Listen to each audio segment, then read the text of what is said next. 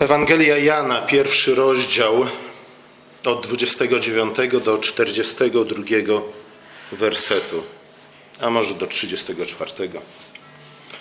Nazajutrz ujrzał Jezusa idącego do niego i rzekł: Oto baranek Boży, który gładzi grzech świata.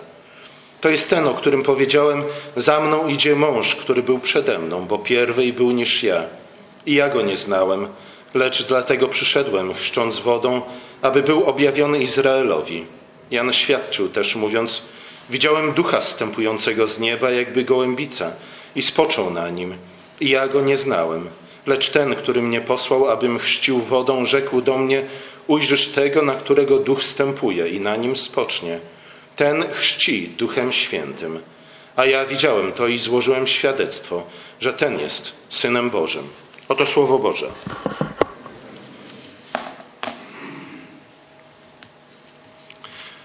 Ewangelia Jana w bardzo wyraźny sposób nawiązuje do stworzenia świata. Już pierwsze słowo zabierają nas z powrotem do pierwszych wersetów Pisma Świętego. Jan mówi: Na początku było słowo. I to na początku to są właśnie słowa, od którego zaczyna się cała historia, jaką znajdujemy w Piśmie. Na początku było słowo. Później ten tekst mówi wyraźnie o stworzeniu świata ze względu na to, że to słowo i przez to słowo świat się stał. Bóg najpierw powołał świat do istnienia z niczego, a później ukształtował go, uformował. To słowo jest nie tylko narzędziem, przy pomocy którego Bóg stwarza świat, ale to słowo od samego początku porządkuje ten pierwotny stan pustki i nieuporządkowania, tochu i wabochu. To słowo nadaje struktury temu światu. To słowo jest jakby pieczęcią odbitą na pierwotnym stanie tochu wabochu, po to, aby sta- świat stopniowo poprzez sześć dni, a także dalej od tamtego czasu nabierał formy, napełniał się, napełniał się światłem, stawał się coraz lepszy. Każdego dnia Bóg rano wstawał z łóżka, patrzył na to, co uczynił i mówi: To może być lepsze. I czynił to lepszym. Właśnie przy pomocy słowa. To słowo, ten logos, jest tym, co nadaje porządek, nadaje sens i nadaje chwałę światu.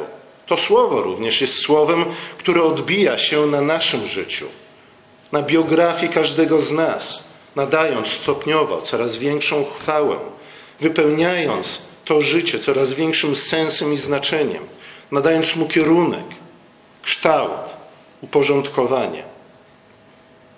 O tym słowie Jan mówi nam w swojej Ewangelii. Zresztą nie tylko początek Ewangelii nawiązuje do stworzenia świata, ale także pierwsze rozdziały, pierwsze dwa rozdziały wyraźnie, może nie tak wyraźnie, ale wyraźniej lub mniej wyraźnie e, przedstawiają nam kolejne sześć dni stworzenia.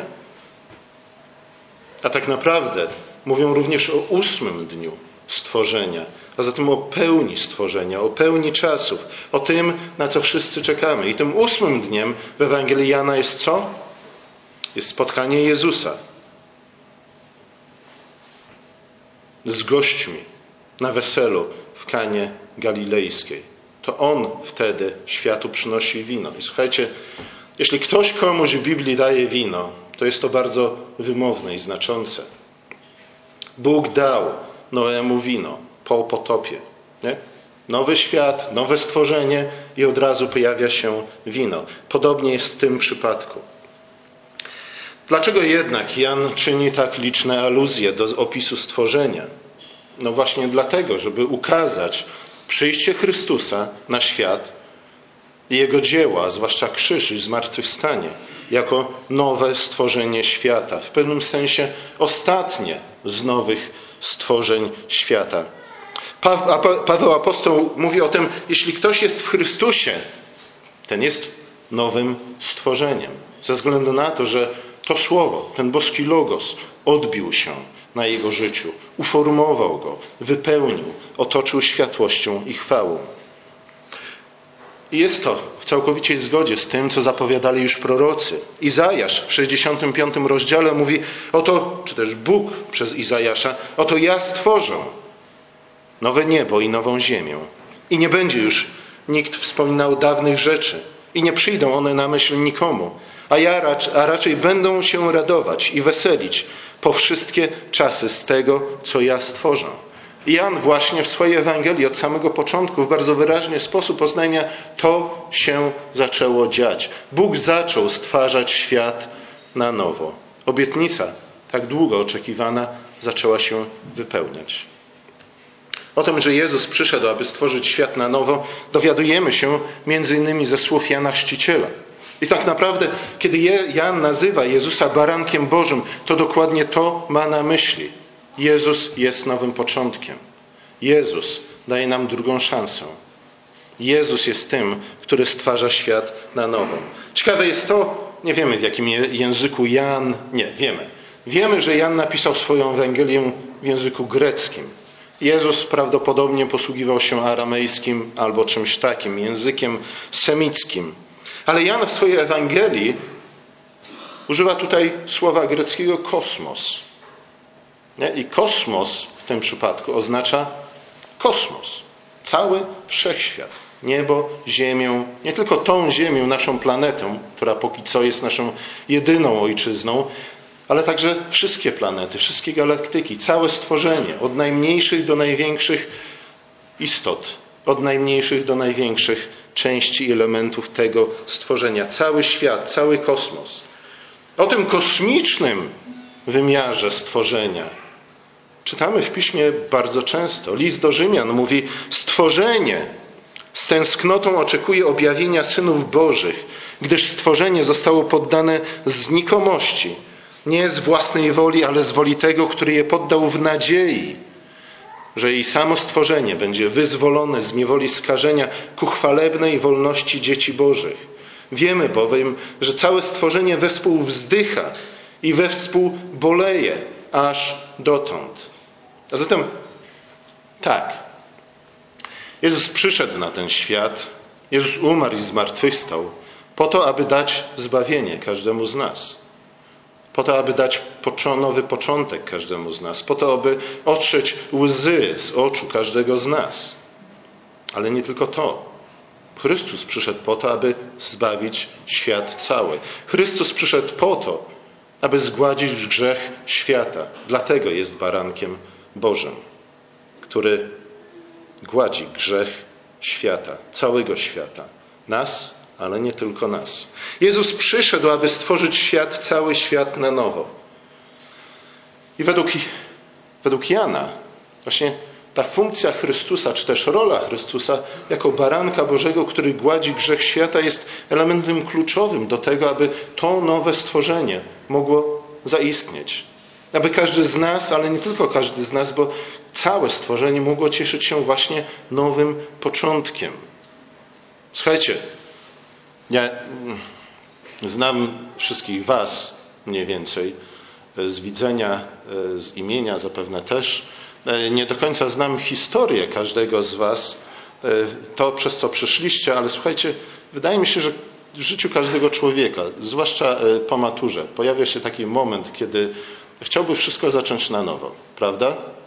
Nie, zresetować swoje życie, zastanawiamy się nad tymi kluczowymi momentami, gdzie popełniliśmy ten największy błąd, który skierował nas na te, a nie inne tory.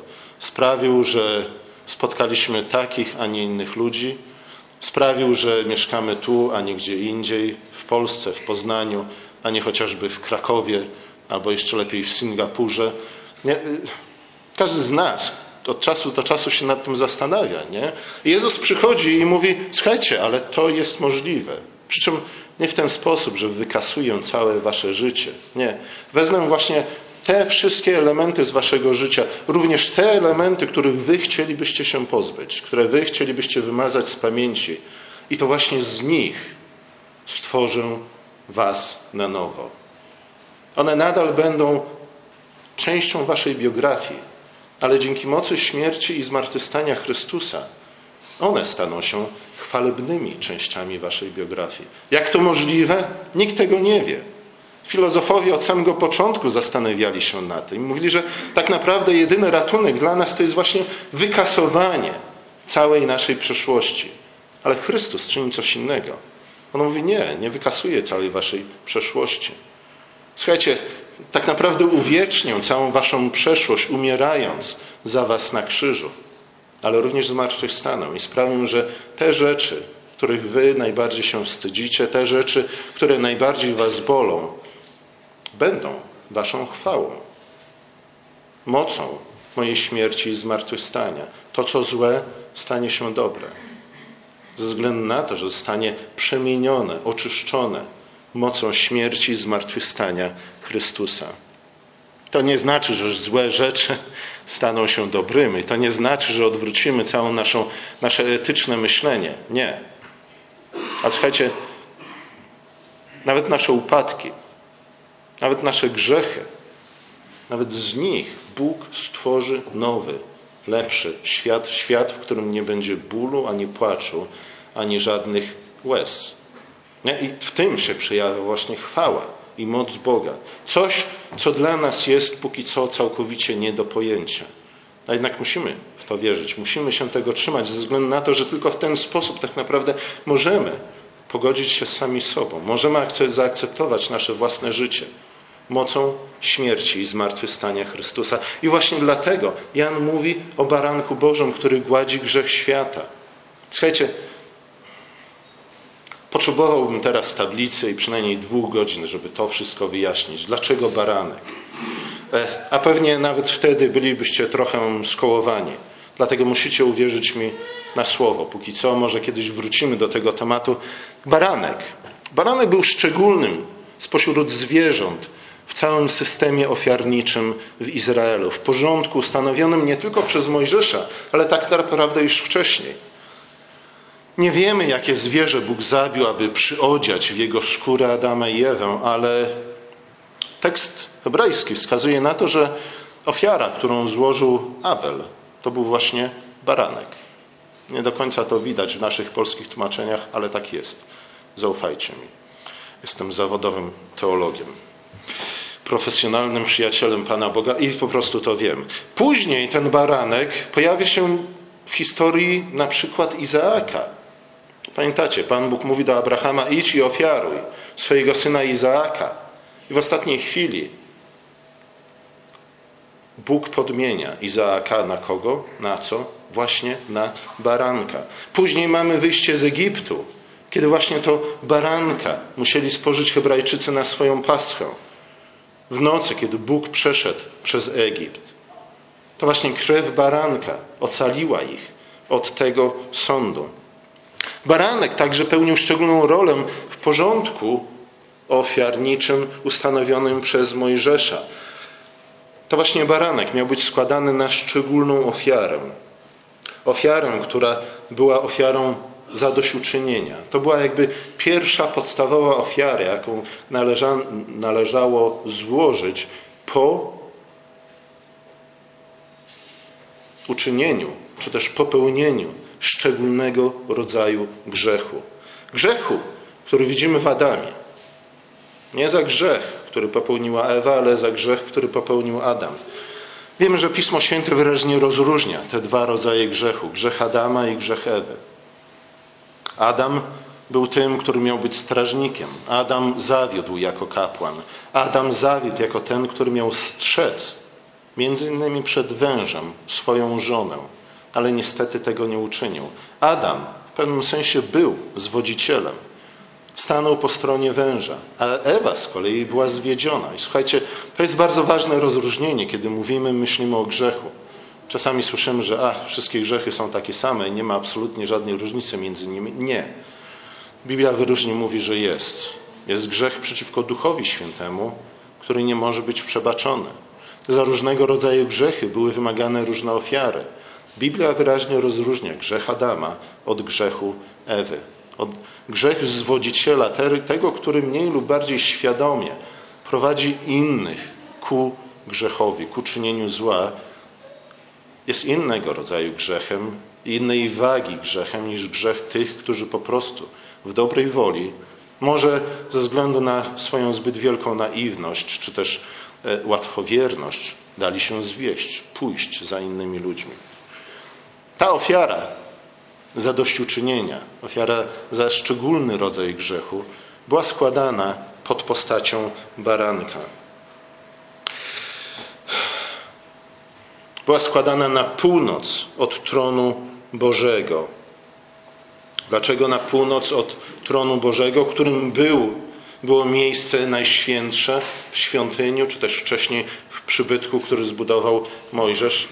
Ze względu na to, że na dalekiej północy, przynajmniej w symbolice, jakiej posługuje się Pismo Święte, tam jest północ. Na dalekiej północy stał tron Boga. Nie? Była góra Choreb, były inne góry i na niej właśnie stał tron Boga. A zatem z tamtej strony Bóg przychodził, aby spotkać się ze swoim ludem. Z tamtej strony Bóg przychodził, aby dokonać oceny swojego ludu. Z tamtej strony także nadchodził sąd, kiedy lud Boży w sposób uporczywy przez długi czas trwał w grzechu. Inwazje zaczynały się właśnie stamtąd. Czy to Asyryjczycy, czy Babilończycy, czy potem Grecy i Rzymianie zawsze przychodzili z północy. To miał być roczny, a zatem młody baranek. Często się zastanawiamy, dlaczego te wszystkie szczegóły? Czy nie można było po prostu wziąć jakiekolwiek zwierzę i złożyć je w ofierze? Dlaczego to musiało być takie, a nie inne? Dlaczego w tym przypadku roczny, a więc młody? Roczny młody baranek miał być składany również przy codziennych, porannych, wieczornych ofiarach, w szabat, w ofiarach świątecznych. Była to szczególna ofiara. Widzimy w tym wszystkim, że baranek był szczególną, nie tylko fundamentalną, pierwszą, podstawową ofiarą za grzech, ale także szczególną ofiarą w całym systemie mojżeszowym.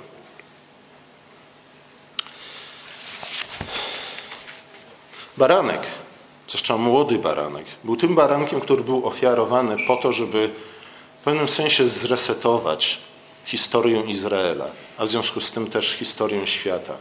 Była to ta ofiara, która w sposób podstawowy, pierwotny jednała Boga z ludźmi. Dopiero potem można było złożyć wszystkie inne ofiary. Dopiero potem można było złożyć ofiarę jaką? Pamiętamy je? normalną, zwykłą ofiarę za grzech. Nie? Była to ofiara, która była składana za grzechy, które moglibyśmy nazwać właśnie grzechami Ewy. Grzechy, które nie były popełnione ze względu na jakieś szczególne zepsucie i złą wolę, ale które po prostu, jak to zwykle bywa, przydarzają się w naszym życiu. Potem była składana ofiara wstępująca, ofiara, w której zwierzę była całkowicie spalane, a jak pamiętamy, zwierzę zawsze symbolizowało ofiarodawcę i w postaci dymu wstępowało do nieba. To zwierzę doświadczało śmierci i zmartwychwstania, po to, aby w miejsce ofiarodawcy móc zbliżyć się do Boga. Później była ofiara którą możemy nazwać ofiarą biesiadną. Nie? Ofiara, której różne części spożywali różni uczestnicy całego ceremoniału. Część ofiarodawca, część kapłan, a część Pan Bóg, właśnie w postaci dymu unoszącego się do, do nieba. Nie? Ta ostatnia ofiara, ofiara, którą nazywamy ofiarą biesiadną, koresponduje do naszej wieczerzy. Nie? To ona jest kulminacją naszego nabożeństwa, które nie jest niczym innym jak właśnie zbliżaniem się do Boga. W sposób już mniej symboliczny niż miało to miejsce w Starym Testamencie. I sposób, powiedziałbym, też bardziej realny. To wszystko zmierza ku temu, abyśmy zasiedli z Bogiem przy Jego stole, przy stole, przy którym Chrystus karmi nas samym siebie, przy stole, którym możemy się, przy którym możemy się karmić nowym, zmartwychwstałym życiem Chrystusa. Ale znów, żeby ta cała sekwencja mogła zaistnieć, żeby te wszystkie of trzy, cztery ofiary, ale nie będę zbytnio komplikować dla Was tego, żeby te wszystkie ofiary mogły zaistnieć. I słuchajcie, to był normalny porządek zbliżania się ludu Bożego do Boga w czasie nabożeństwa w Starym Przymierzu. Nasze nabożeństwo po części y, odpowiada temu samego, samemu porządkowi. Przychodzimy, wyznajemy nasze grzechy. Jesteśmy zapewnieni o pojednaniu z Bogiem i dlatego możemy z odwagą zbliżyć się do Niego. Następnie słuchamy Słowa Bożego, które jak miecz obosieczny ćwiartuje każdego z nas, osądza nas, ale czyni to po to, aby dokonać przemiany w naszym życiu po to, abyśmy doświadczyli śmierci i zmartwychwstania, abyśmy mogli w końcu przyjść do samego Boga, zasiąść do Jego stołu i karmić się zmartwychwstałym Chrystusem, który nigdy nie umiera.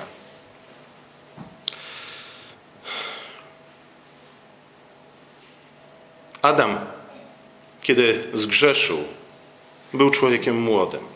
Nie wiem dokładnie, na ile by lekarz czy biolog ocenił jego biologiczny wiek, ale wiemy, że od czasu jego stworzenia do czasu jego upadku nie upłynęło zbyt wiele czasu. Niektórzy nawet twierdzą, że tak naprawdę dokonało się to drugiego dnia życia Adama. Adam w związku z tym był, przynajmniej jeśli chodzi o jego doświadczenie życiowe, człowiekiem dość młodym, a nawet bardzo młodym. Adam zatem zgrzeszył w swojej młodości. I Bóg natychmiast zainterweniował. Często my postrzegamy wygnanie z raju jako coś złego, nie? jako karę za to, co dokonało się w ogrodzie, ale tak naprawdę Bóg wygnał Adama i Ewę, a razem z nimi całą ludzkość z ogrodu, nie dlatego, że był na nich zły. Kwestia upadku Adama została rozwiązana jeszcze w ogrodzie poprzez rozmowę Boga z Adamem, wtedy, kiedy Bóg słuchał, co Adam i Ewa mieli do powiedzenia. Później, kiedy przeklął nie tyle ludzi, co raczej węża, a następnie, kiedy odział ich skórami zwierząt. Nie?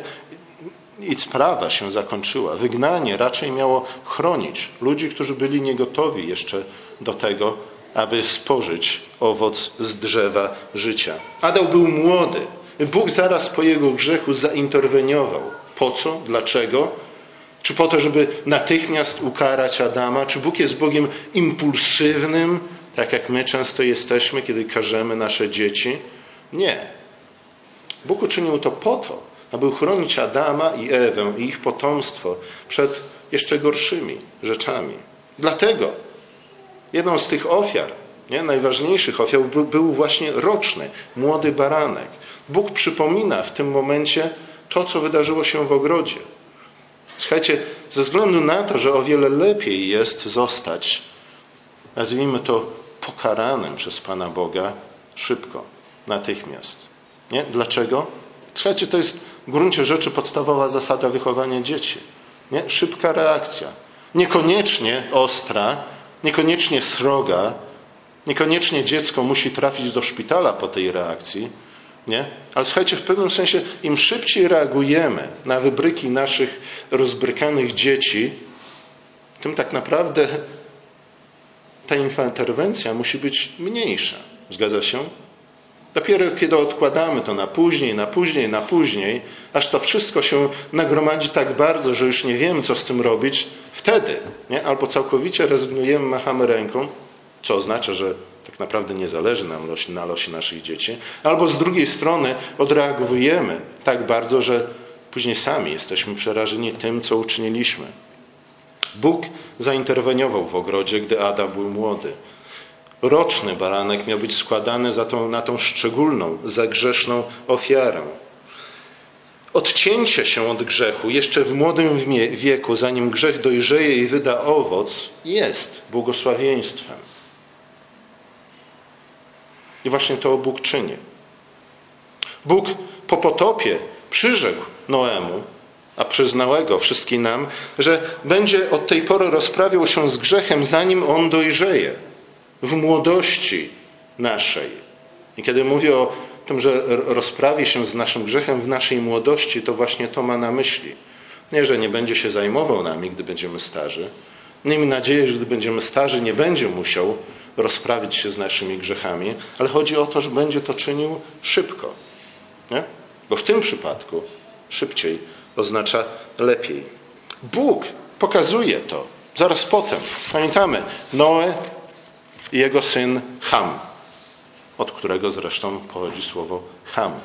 Bóg natychmiast zainterweniował, zanim wydarzyło się coś gorszego.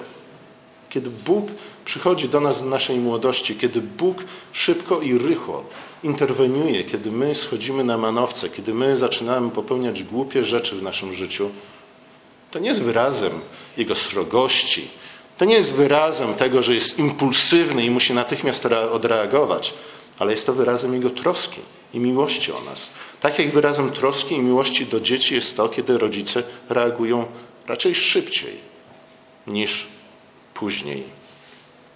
Gdy Bóg rozprawia się z grzechem, kiedy człowiek jest jeszcze mu w młodym wieku, wtedy otwiera przed nim drogę do rozwoju, drogę do wzrastania, drogę do dojrzewania, do nabywania mądrości, drogę do owocnego życia, z którego możemy być zadowoleni.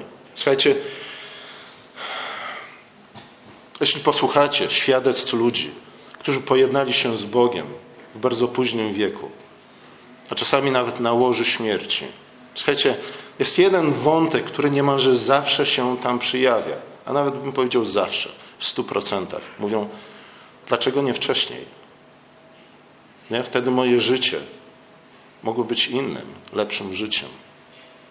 Słuchajcie, prawda jest jednak taka, że to życie nie? i to śmierć to nie jest wszystko, co nas czeka. Nie? W porównaniu do wieczności, to nasze ziemskie życie będzie naprawdę wyglądać mikroskopijnie. Ale z drugiej strony, nie? któż by nie chciał? Któż by nie chciał na końcu swojego życia cofnąć się i poprawić je nieco? Tą czy inną decyzję podjąć w inny sposób. E, raczej przestawać z tym człowiekiem i z nim się związać, niż z tamtym. Nie? Dlatego, kiedy Bóg przychodzi szybko, rozprawia się z grzechem, kiedy człowiek jest jeszcze w młodym wieku, to tak naprawdę jest to błogosławieństwem Bożym. To dlatego Jezus umarł w swojej młodości. Nie? Jezus umarł, kiedy miał 33 lata. Wiem, że dla niektórych z Was 33 lata to jest sędziwy wiek, ale kiedy ktoś skończy 33 lata, to wydaje mi się, że no, jak ja miałem 30 lat, to byłem naprawdę jeszcze chłoptaskiem. Dlatego Jezus umarł w młodości, jako zwykły obywatel, nie jako jakiś wielki przywódca polityczny, kościelny, miał 33 lata, ze względu na to, że umarł jako normalny, zwykły człowiek. Ale umarł, moglibyśmy powiedzieć, w połowie swojego wieku, a tak naprawdę w rozkwicie swojego wieku. Liczba 3 jest liczbą, która bardzo często pojawia się w Piśmie Świętym. Trzeciego dnia stworzenia Bóg przychodzi, aby dokonać szczególnego nazwalibyśmy to osądu stworzenia, a więc oceny, ewaluacji tego, co do tej pory uczynił. Po to, aby zobaczyć, czy należy coś skorygować, czy może należy coś inaczej zrobić, czy należy to y, zmienić trochę, przestawić na inne tory. Trzeciego dnia tygodnia przychodzi ten wstępny sąd, właśnie po to, nie? żeby siódmego dnia nastąpił dzień odpoczynku i radości, wesela, i wspólnego świętowania.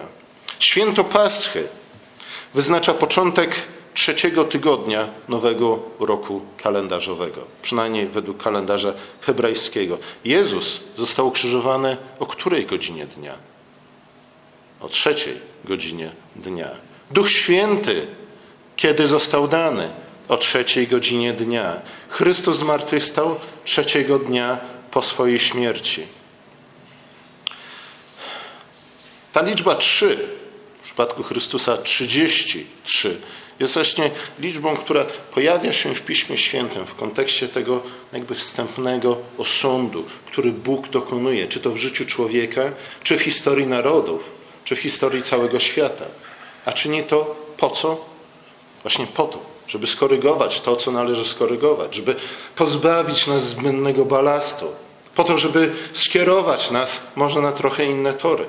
Po to, abyśmy, gdy dojdziemy do tego siódmego dnia, dnia, który jest dniem odpoczynku, który powinien być dniem odpoczynku, radosnego świętowania, cieszenia się owocami naszej pracy, cieszenia się wspólnotą bliską, nie tylko z Bogiem, ale także z innymi ludźmi, którzy są nam przychylni. Po to Bóg przychodzi naszej młodości, aby nas osądzić. I nie jest to wyraz, broń Boże, Jego gniewu, ale raczej Jego troski i miłości o nas. Jezus jako baranek Boży umarł w połowie swojego życia, w 33 roku, w swojej młodości, po to, aby odciąć nas jako całą ludzkość, jako całe stworzenie od grzechów naszej młodości i właśnie umożliwić nam nowy start, nowy początek dla, dla nas, ale i dla całej ludzkości, dla całego światła, dla całego kosmosu. Będąc zjednoczeni z Nim, możemy wraz z Nim, w związku z tym, wzrastać ku dojrzałości. Nie tylko my, ale oczywiście całe stworzenie i cały świat. Po to, abyśmy w końcu mogli cieszyć się na uczcie baranka, abyśmy mogli cieszyć się owocami naszej pracy, po to, abyśmy mogli cieszyć się tym wszystkim, przez co przeszliśmy, wielbiąc i chwaląc Boga, we wspólnocie z trójjedynym Bogiem, który jest miłością. Amen.